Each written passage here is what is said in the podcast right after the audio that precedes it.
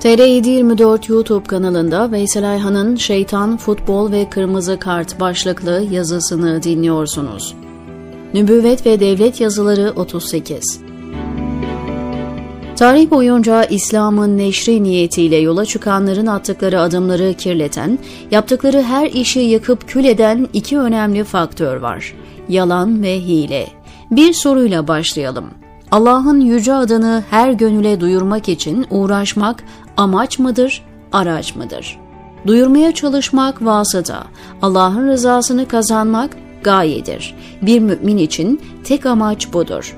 Aslında Allah rızası derken bile cennet cehennem kaygılarıyla yapılan amelden değil, yaratıcımıza teşekkür vecibesi gereği yapılan amelden bahsediyorum. Yapılan hizmetleri güç elde etmeye vasıta olarak görme, menfaati, iktidar olmayı ve maddeyi hayatın merkezine yerleştiren modern anlayışları mutlak hakem yapma demek olur ki büyük bir yanlış ve çok büyük bir yanılgıdır. Fethullah Gülen'le devletçilik üzerine röportaj, Milliyet Nübüvvete veraset yukarıdaki ölçüler içinde yapıldığında fevkalade değerli bir paye.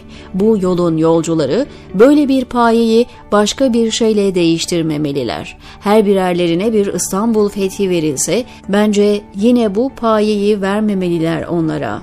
Manevi Ali Beyt Bu sebeple öncelikle tahsihi niyet gerekiyor. Sonrasında ise önümüze çıkması kesin iki büyük şeytanı yenmek gerekiyor. Yalan, hile. Hz. Bediüzzaman'ın Şam'da İslam alemine seslendiği meşhur bir hutbe vardır. Orada yalana karşı şiddetle uyarır. Necat, kurtuluş yalnız sıdkla, doğrulukla olur. Maslahat, fayda için kiz yalansa zaman onu neshetmiş. Maslahat iyi, güzel ve yararlı şeyler demek. Bunlar için yalan söylenebilir mi? Mesela Allah'ın yüce adını her gönüle duyurmak için yalan bir araç olur mu? Bazı engelleri aşmak için yalan kullanılabilir mi? Yapılan faaliyetlerde problem çıktı. Bulunduğumuz ülkelerde bürokratik işlemlerde tıkanıklık oldu. Yalan söylersem çözebileceğim. Söylemeli miyim? Diyelim ki söylemedim işlerimiz kaldı. Mesela açılacak yurt açılmadı. Yalan söylemediğim için dernek binasına ruhsat alamadım. Kültür merkezi projesi kaldı. Hizmetlerim gerçekleşmedi. Yalan beyan vermediğim için tam vergi verdim. Böylece öğrencilerime daha az burs verebildim. Bunlarla yanlış mı yapmış oldum? Peki hoca efendi buna ne diyor? Yalandan fevkalade kaçınmak ve insanı cennete koymak için bile yalan söylememek lazım.'' Evet, müminin her söylediği doğru olmalı. Eğer sözü zarar getirecekse sükut etmeli ama asla yalana girmemeli. Herkul.org yani bırakın yurt açıp insanlara cennetin yolunu açmayı, onları direkt cennete koyma fırsatı önüme çıksa yalana başvuramam. Peki neden?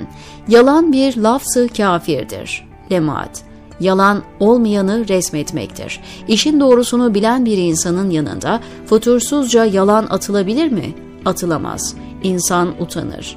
Allah'ın huzurunda yalan atmak, onun şahitliğini yok saymaktır. Allah'ı görmezden gelmektir. İşin aslını bilen ve göreni yok farz etmektir. Yalanın kafir sıfatı olması bu yönüyledir. O halde bir kafir ameliyle Allah'ın rızası elde edilebilir mi? Biri çıksa size şu yalanı söyleyin size muavenet için 100 milyon euro vereceğim dese ne yapmalıyım? Doğrudan vazgeçmeli miyim? Tabii ki hayır. Çünkü yalanla elde edilen her şey sonuçları itibarıyla bir belaya dönüşür. Yalana temas eden her banknot musibet davetiyesi olur. Yalan karışan her amel şeytan ameli haline gelir. Yalanın en hafifi rakamlarla oynamak ve yapılan iyi işleri abartmaktır. Bu ise katranla makyaj yapmak gibi bir şey olur. Marketten gıda alacaksak içeriğine bakarız. Mesela içinde az da olsa domuz eti varsa almayız. Yalan bir kalp için bundan çok daha zararlıdır. Peki olağanüstü günler yaşıyorsak, bir savaş halindeysek yalan caiz olur mu? Şu an bir mücadele içindeyiz diyerek hile yapabilir miyiz? Savaşta yalan ve hile. Hile yapılabilir mi? harp hiledir hadisi var. Ahmet Kurucan'dan önemli bir alıntı yapayım.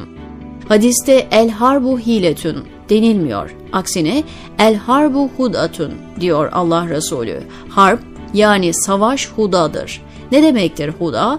Öncelikle kurnazlık yapma ve gayrimeşru yolları kullanarak başkalarını aldatma manasında hile demek değildir. Huda, muhatabı şaşırtma, yanıltma, şüpheye düşürme demektir. Kadı Beydavi, farenin harici tehditlere karşı korunurken toprağın altında barındığı yerde iki kapı açması şeklinde tarif eder ki, bu tarif tam da bu manayı destekler. Çanakkale Savaşı'nda soba borularının mevzilere yerleştirildiğini ve top namlusuymuş görüntüsü verildiğini okumuştum bir yerde. İşte Huda tam manasıyla budur. Efendimizin Mekke fethi dönüşü Huneyn'e gittiği halde önceden çıkardığı müfrezelerle Medine'ye gidiyormuş izlenimi vermesi bu kapsamda mütalaa edilecek bir başka örnektir. Mekke fethinde Mekke'ye girmeden önce ordunun sayısını çok göstermek için 10 bine yakın ateş yaktırması da bu cümledendir. Harp sizin anladığınız manada hile değildir. Hile ve şaşırtma farkına güncel bir örnekle bakalım. Futbol oynuyorsunuz, önünüzdeki futbolcuyu geçmek için çalım atarsınız, şaşırtırsınız meşrudur. Beceriyi gösterir, alkışı hak eder. Ama elle gol atarsanız ne olur? İşte bu hiledir. Maharet değildir. Veya hakeme göstermeden kırmızı kartlık faul yaparsınız. Bunlarla oyunda kazanabilirsiniz. Ama yalan ve hileyle kazanmış olursunuz. Bir mümin bunları yaptığında kafir ameli yapmış olur. İman ve küfür bir mücadele halinde ise iman kanadının en büyük silahı doğruluktur. Doğrulukla düşmanı yenmekle kalmazsınız. Düşmanınızı kazanırsınız. Hesaplaşma vakti 21. bölüm. İman cephesi küfrü yenebilmek için yalan ve hile türlerine başvurduğu an farkına varmadan diğer cepheye dönüşür. Rahmetli Aliye İzzet Begoviç'in muhteşem sözü güzel bir ölçü. Savaş ölünce değil, düşmana benzeyince kaybedilir. Resul-i Ekrem sallallahu aleyhi ve sellem hayatı boyunca en zor şartlarda bile yalan ve hilenin hiçbir türlüsüne tenezzül etmemiş, düşmanlarına bile güven telkin etmişti. Yakın tarihten güzel bir örnek. 1930'lar Risale-i Nur talebelerine terör estirilen yıllardı. Binbaşı Asım Bey ve arkadaşları kitap okurken yakalanmış, gözaltına alınmıştı. Asım Bey'in hayatı doğrulukla geçmişti. 40 yıldır ellerimi kara ve kirli işlere bulaştırmadım. Cenab-ı Hakk'a çok şükür diyecek kadar berrak yaşamıştı. Sorgu hakimliğinde ifade verecekti. Bediüzzaman Hazretleri şöyle hikaye eder.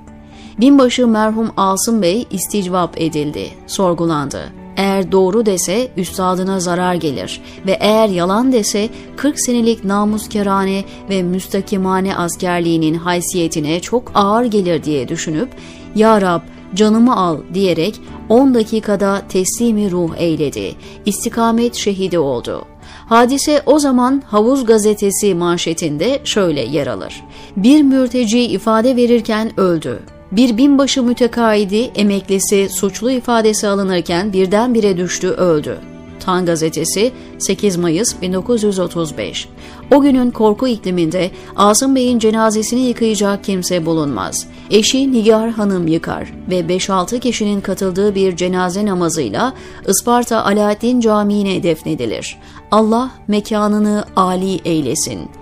Asım Bey örneği ölümü masum insanlara zarar vermeye tercih etmeyi ifade eder. Doğruluğun masumlara zarar vermek için konuşmak olmadığı, hele hele iftira etmek olmadığında kuşku yok. Diyor Veysel Ayhan TR724'deki köşesinde.